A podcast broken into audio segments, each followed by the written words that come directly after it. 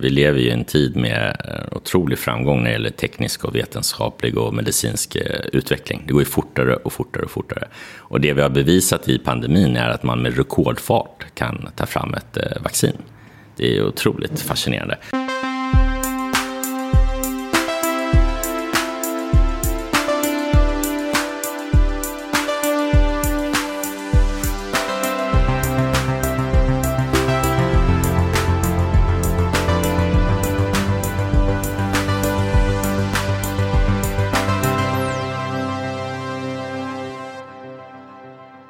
Då är vi tillbaka med Heja Framtiden eh, med mig Christian von Essen. Sitter i min kitchen studio på Roslagsgatan 23 i Stockholm. Tillsammans med Mohammed Homman. Välkommen till podden. Tackar, tackar. Vd för ett företag som heter Vironova. Det stämmer bra. I life science-industrin i Stockholm. Japp. Ja. Det var det korta svaret. Ja, precis. Och du har ju hållit på med det här i vad är det, 16-17 år. Mm, precis. Så jag har ju gjort den här resan med att kommersialisera min egen forskning kan man säga. Det är därför det har tagit lite tid. Att i, i början av processen så hade jag ena benet kvar i akademin, alltså forskningen, och andra benet ute och började starta ett företag. Mm. Med det här grundläggande, ta patent, eh, ta fram en första produkt, försökte lista ut en affärsmodell och så vidare. Och vad jag förstår så halkade du in på herpes. Det stämmer bra det. hur, hur halkar man in på herpes? Det är en ganska bra öppningsfras i ja. sociala sammanhang. Det är mm. alltid roligt att diskutera. Nej, men jag, jag, är väldigt fascinerad av virus. Virus är min passion här i livet. Att hitta dem och eh, ta fram botemedel mot dem. Och det är det som min eh, forskning handlar om också. Så jag är kemist, biolog, eh, pluggade i Uppsala, sen kom jag till Karolinska. Och där studerar jag just herpesvirus. Och jag tittar på hur de här herpesvirusen bildas, hur de här små viruspartiklarna bildas. Mm. Så virus är lite som parasiter kan man säga. De går in i vår kropp och så använder de oss som en fabrik för att producera mera virus. Och eh, gör de det här utan att skada oss, som faktiskt herpesvirus gör, de är ganska smart och trevligt virus. Eh, om du tänker att munherpes poppar upp jag vet inte om alla skulle skriva under på det. Nej, precis. Nej, men det finns eh, några stycken, åtta stycken sådär. Så just munherpes känner alla till då. När det är lite av stress, sol, dålig kost, dålig sömn så kan det poppa upp. Jag jobbade med ett virus som heter cytomegalovirus. Och då var det så hemskt att eh, transplantationspatienter, som som ska ta emot ett organ, de får medicin som dämpar sitt immunförsvar.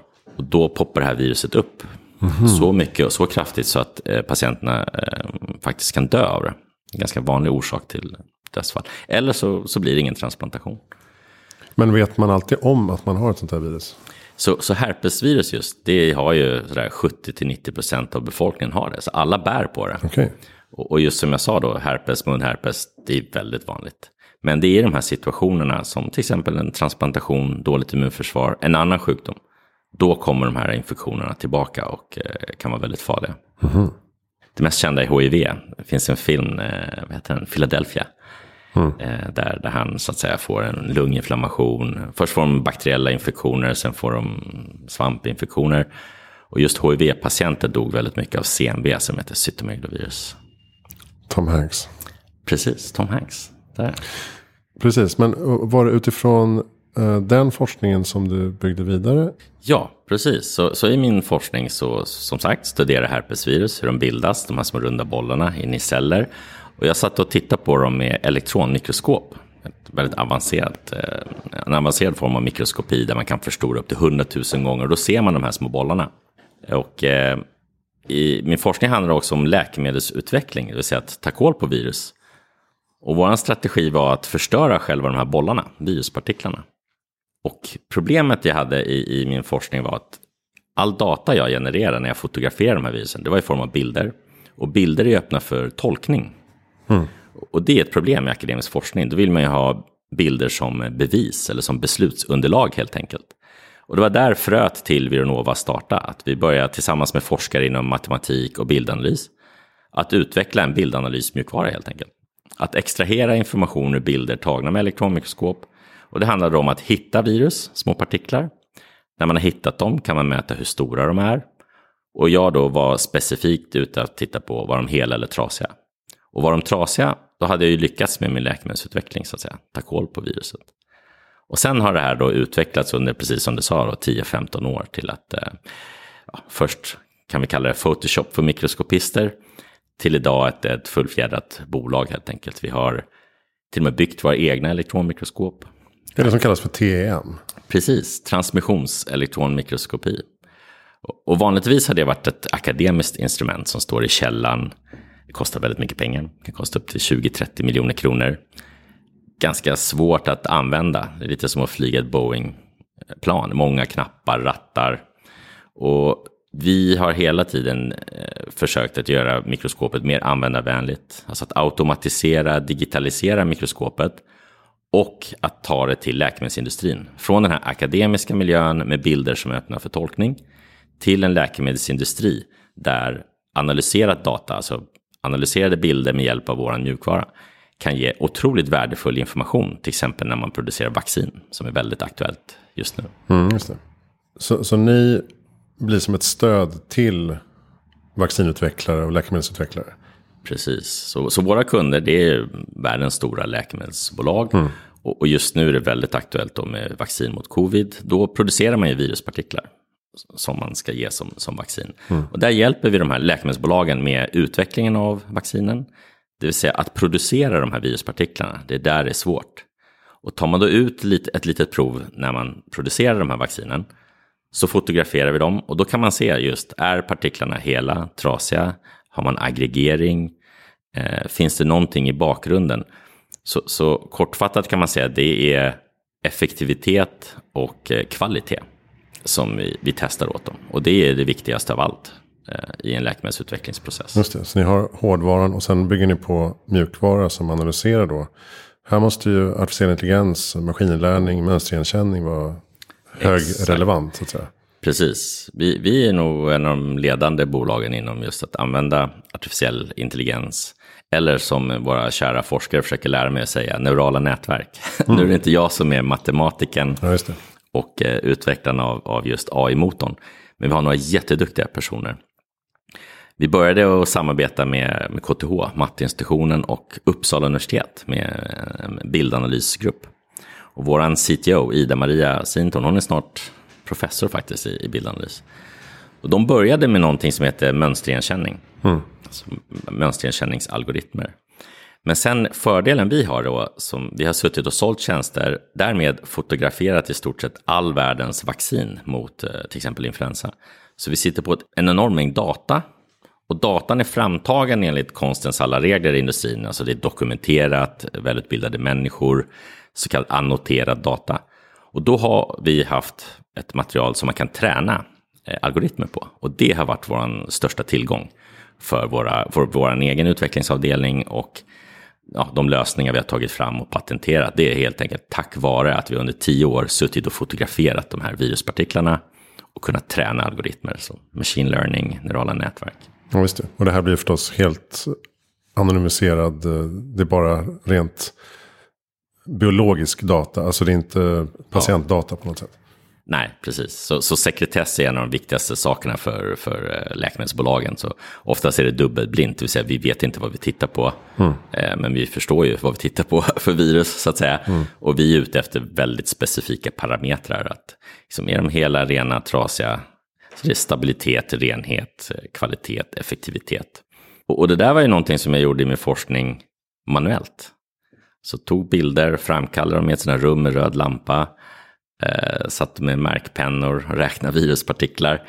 Och, och tittar man vad som har hänt de senaste 10-15 åren så har ju inte bara artificiell intelligens utvecklats med raketfart. Men datorkraft, datorlagring, det har blivit mycket billigare, mycket effektivare. Eh, men fortfarande är, är nyckeln till framgång att ha mycket data. Mm.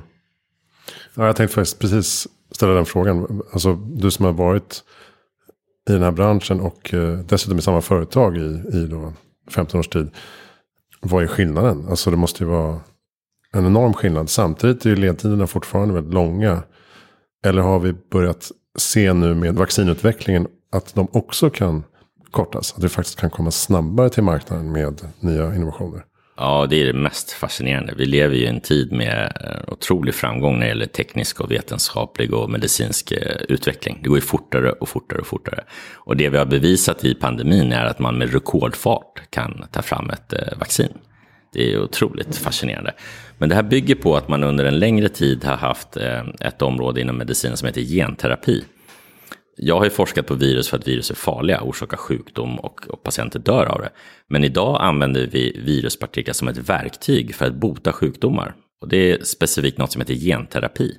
Så vi använder då de här viruspartiklarna som ett transportfordon för att stoppa in ett läkemedel eller en gen i en person som saknar det här. Och framgångssagorna är framförallt inom cancer, om man tittar på Nobelprisen är ett bra sätt att mäta och titta på vilka tekniker som är aktuella och vilka framgångar som har skett inom medicin och i vetenskapen. Så både elektronmikroskopi mm, har fått Nobelpris för en tre, fyra år sedan. Mycket inom cancer, både hudcancer, lungcancer. Och det har man botat just då med cell och genterapi, det är två fält. Där man använder virus för att stoppa in läkemedel. Och där, det är där vi har varit med och bidragit med, med just den här kvalitetskontrollen. Att Ehm, ja, man känner till placebo, placebo funkar ju, lösa skott. Mm. Men i, i, i vårt fall så får man inte ge då tomma viruspartiklar, utan man vill ju se att man har fyllt den här viruspartikeln med antingen genen då, som man ska ge patienten, eller ett läkemedel, då brukar det heta drug delivery. Ja, just det. Mm. Och eh, tack vare då att man under 10-15 år verkligen hade lärt sig dels att klippa och klistra i genomet, eh, också eh, Nobelpris, eh, stoppa in det i viruspartiklar och stoppa in de här viruspartiklarna i patienten och eh, därmed bota sjukdom. Det, är ju, det låter ju som science fiction, men det händer idag. Ja. Så när den här pandemin kom så var det tack vare det som just de här då så kallade mRNA-vaccinen eh, kunde tas fram så fort. Så det, det är en framgångssaga, verkligen. Vad ser du framöver då? Vad är det för typ av teknologier som du tror kommer att omdana den här branschen under de kommande tio åren? Ja, så läkemedelsindustrin har ju liksom alltid förändrats. Det var, det var ju väldigt mycket kemi i början. Jag är kemist i bakgrunden. Mycket alltså mm, små molekyler. Tänk bara acetylsalicylsyra, universalläkemedlet. Eh, Treo. Därefter blev det väldigt mycket antikroppar. Eh, om man tittar på den här listan blockbusters, vilka läkemedel som säljer mest i hela världen, så har det gått från att vara kemi till att vara biologi, alltså biologiska läkemedel. Allt från eh, insulin, till exempel Novo Nordisk, en jätte här i Skandinavien, det är att liksom tillverka insulin och eh, proteiner. Det heter rekombinanta proteiner då, där man tillverkar dem så att säga artificiellt. Så det har gått från kemi, antikroppar och nu är revolutionen genterapi. Absolut. Och det har aldrig investerats så stora summor pengar som det görs nu inom genterapi och eh, framförallt då på grund av covid med mRNA-vaccin. Och det är, det är någonting som det tar ganska lång tid. Vanligtvis tar det 10 till 15 år att utveckla ett läkemedel. Kostar i storleksordningen 10-20 miljarder. Så det är väldigt dyrt, tar väldigt lång tid och det är extremt svårt. Och anledningen till att det tar lång tid och kostar mycket pengar är oftast att eh, ja, Läkemedelsverken ställer ju väldigt hårda krav på, på läkemedelsbolagen. Det får inte gå fel, det ska testas eh, liksom i flaska på cellkulturer, på djurförsök, friska människor och så vidare och så vidare i kliniska faser. Och så fort någon eh, påverkas och mår dåligt så att säga så måste det rapporteras. Och även det här har vi sett nu och följt i media med, med utvecklingen av covid-vaccin. Mm. Så just det här gör ju att det tar tid och kostar väldigt mycket pengar. Svårt. Jag tjatar ofta i podden om det här med eh, den preventiva vården. Att man börjar se en, ett skifte i att bara gå liksom reaktivt och bota sjukdomar till att faktiskt eh, förhindra sjukdomar. Mm. Vill, vill ni i life science-världen ha det preventiva paradigmet? Eller är man för eh, beroende av att tillverka läkemedel? Nej, det är absolut jättebra med preventiv medicin, men det är också ganska svårt. Mm. Jag menar, ta en vanlig människa, alla sjukdomar, eller alla som är sjuka vet att liksom, eh, få en bra sömn, bra kost i, i rätt tid och motion, det är liksom universalläkemedel alla tre. Men bara det är ganska svårt för de flesta människorna att hålla sig till. Ja, att, att sova, motionera och äta, äta rätt. Och- men det gör väldigt mycket. Det vi har lärt oss i den här pandemin tror jag är det här med hygien. Att tvätta händerna, vara lite försiktiga, nys i armvecket, stanna hemma när du är lite förkyld så att du hindrar smitta. Så den, den tror jag har varit otroligt bra. Och det är någon, någonting som jag tror att det vore bra om vi behöll. Det är väldigt svårt att införa nya vanor, eh, nya beteenden. Men just det beteendet hoppas jag är här för att stanna. Mm. Ibland så tänker jag så här. Är det verkligen vettigt att man tvättar händerna så ofta och spritar? Alltså tappar man inte lite av immunförsvarets liksom, kampvilja?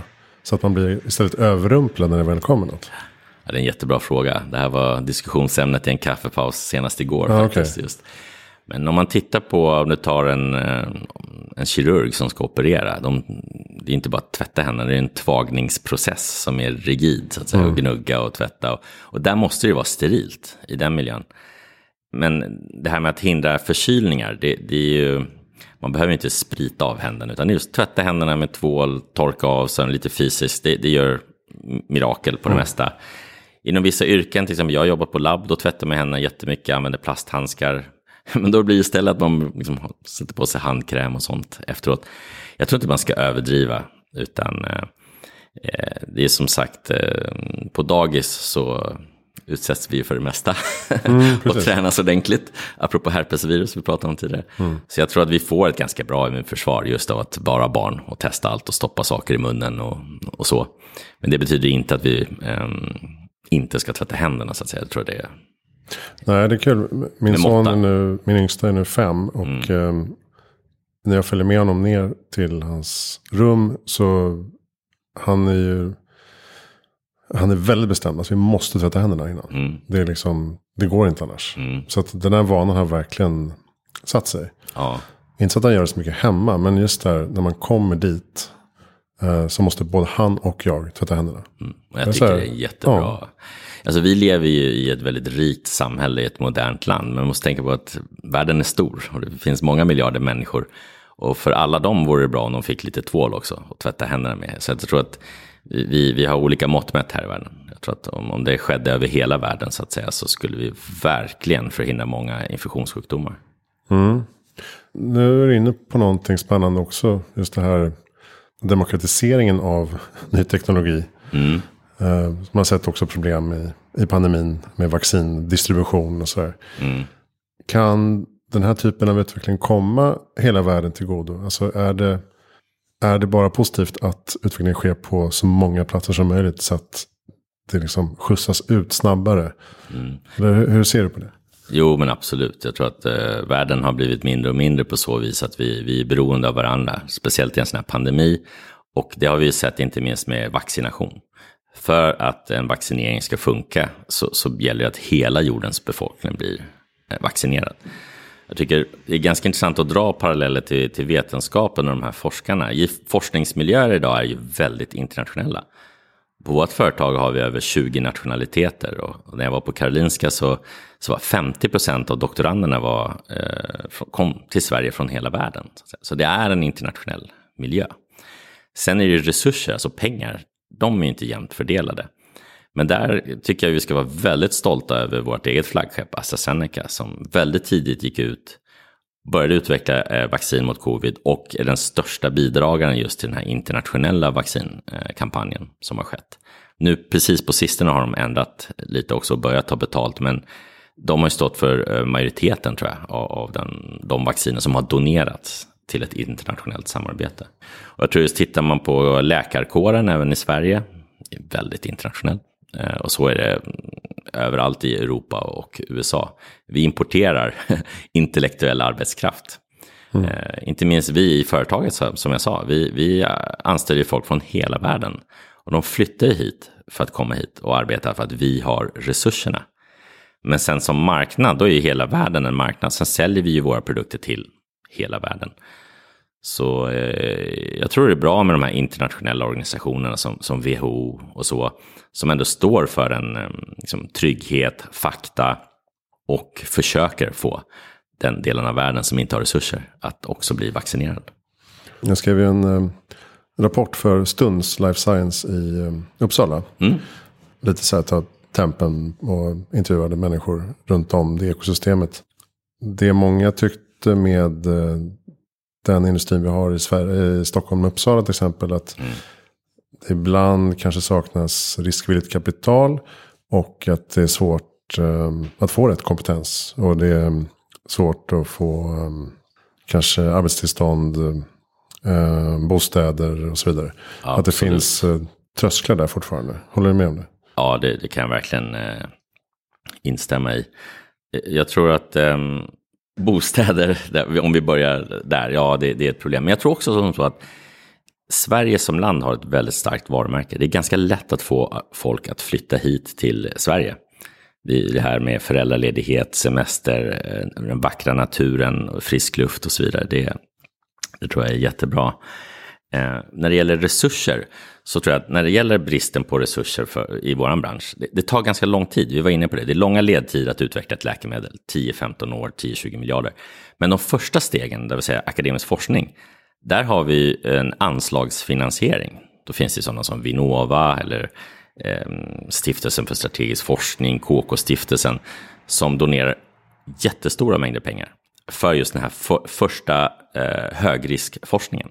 Men när man väl tar sig därifrån ut och startar företag, då tror jag också att Sverige och framförallt Stockholm är jättebra. Det finns mycket riskvilligt kapital för att vi har så många duktiga, framgångsrika entreprenörer i andra branscher. så IT och så vidare. Och de eh, investerar både sitt kapital och tid i den här tidiga fasen. Och man kan, eh, vi till exempel har, har tagit in, eh, ja, snart börjar vi närma oss 700 miljoner kronor. Ungefär 200 miljoner tror jag vi har fått i olika anslag. Först svenska anslag, sen finns det europeiska anslag. Så vi har haft EU-projekt för att utveckla läkemedel mot influensa till exempel. Jag tror att det rör sig om ungefär cirka 80 miljoner kronor. Det är jättebelopp. Men då har det varit över fem år och där vi samarbetar med många forskare. När man sen tar ett patent, det vill säga har en läkemedelskandidat, då börjar man en process så att det kostar 200 miljoner att ta sig till in i de här kliniska faserna till fas 2. Och där tar det ungefär stopp som bolag. Och där brukar svenska bolag gå till börsen, egentligen väldigt för tidigt i min mening. Därför att för att få in större mängder kapital så måste man till börsen i Sverige.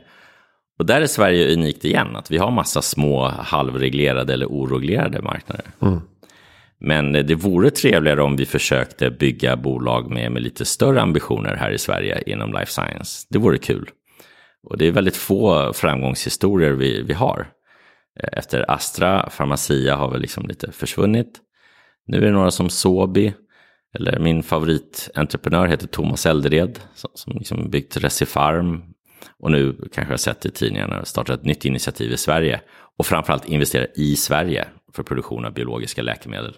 Så det behövs, framgång föder framgång tror jag. Så mer entreprenörer inom life science som är framgångsrika och sen återinvesterar sina pengar i de här tidiga faserna. Det tror jag är nyckeln till framgång.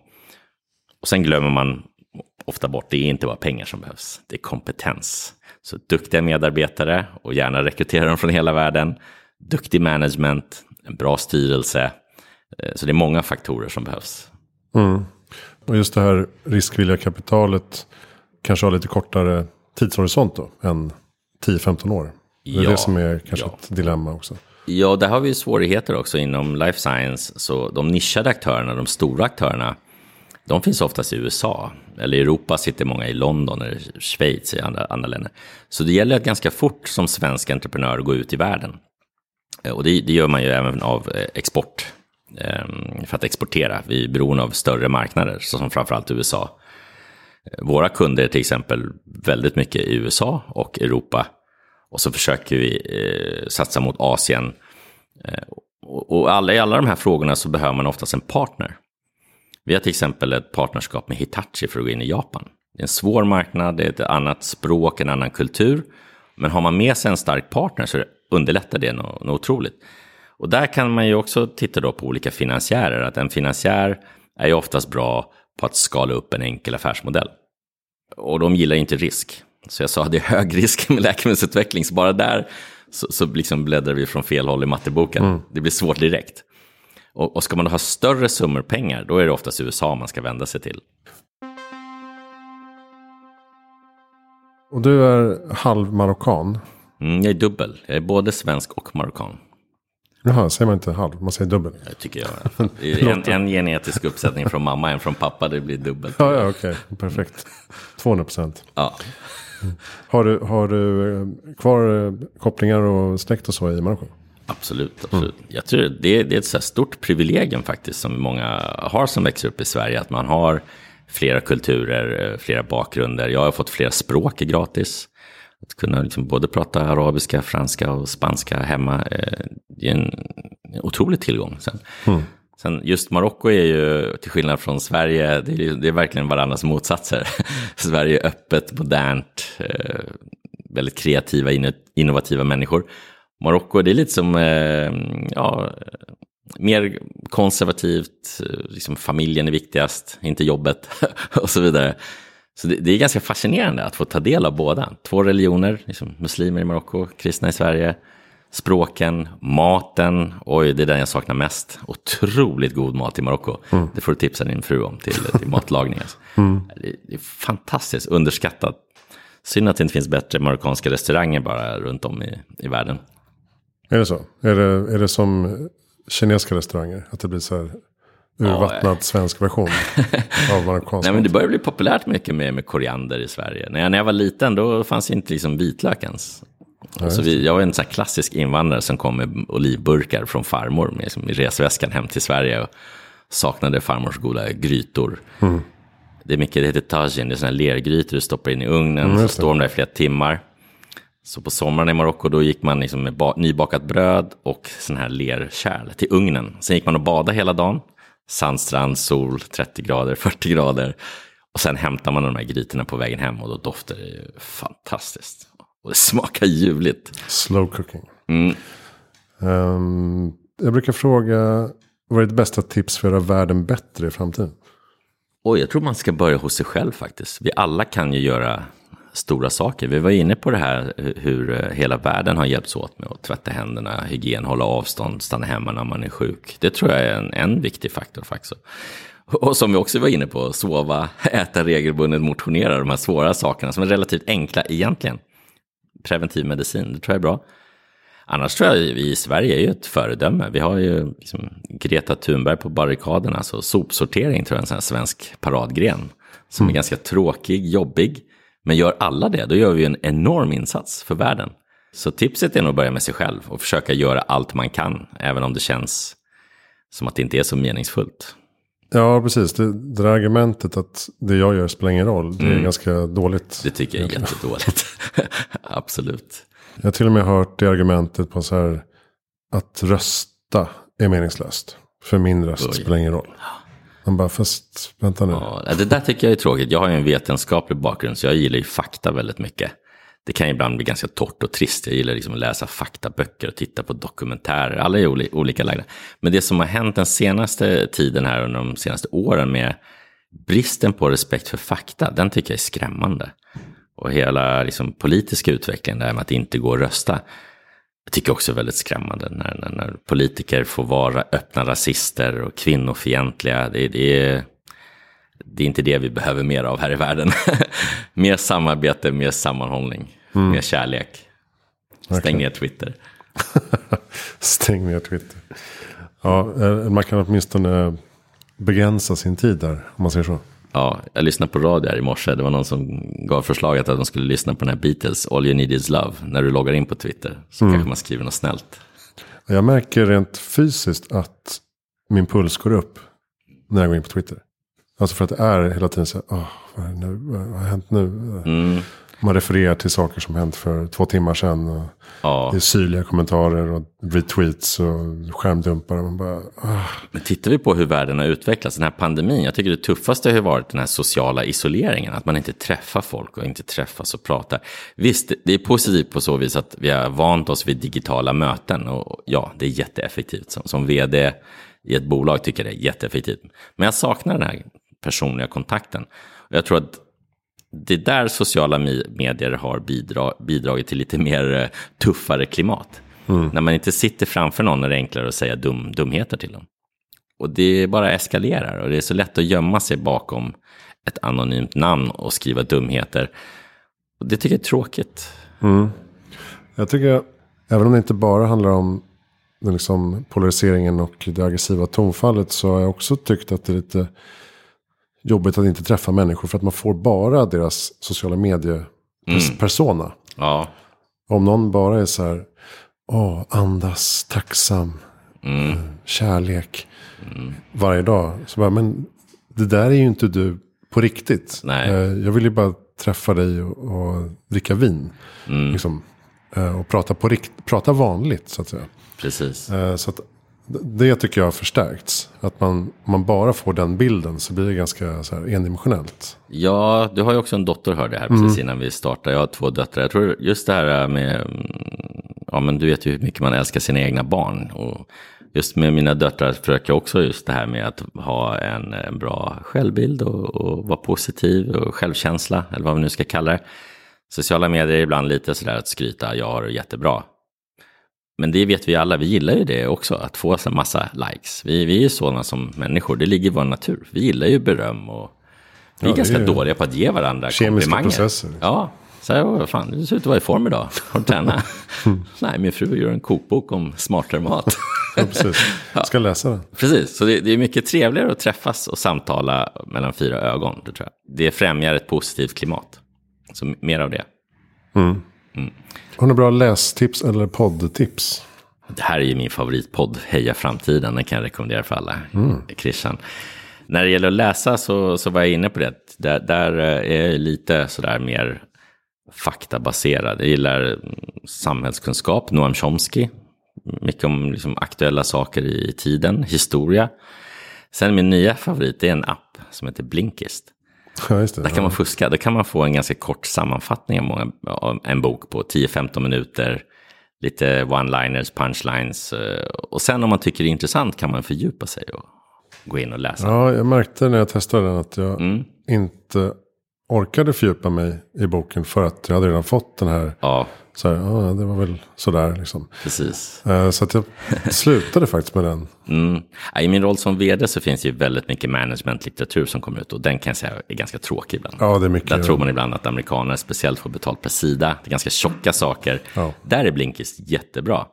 Men sen att hitta bra böcker, till exempel eh, Max Tegmark. Sådana här intressanta böcker som försöker förklara det lilla och det stora och sätta saker i sammanhang. Sånt tycker jag är jätteintressant. Även Yuval Binur om liksom Ja, försöka kortfattat en liten historia om allting på en gång. Också ganska intressant, det sätter saker i perspektiv.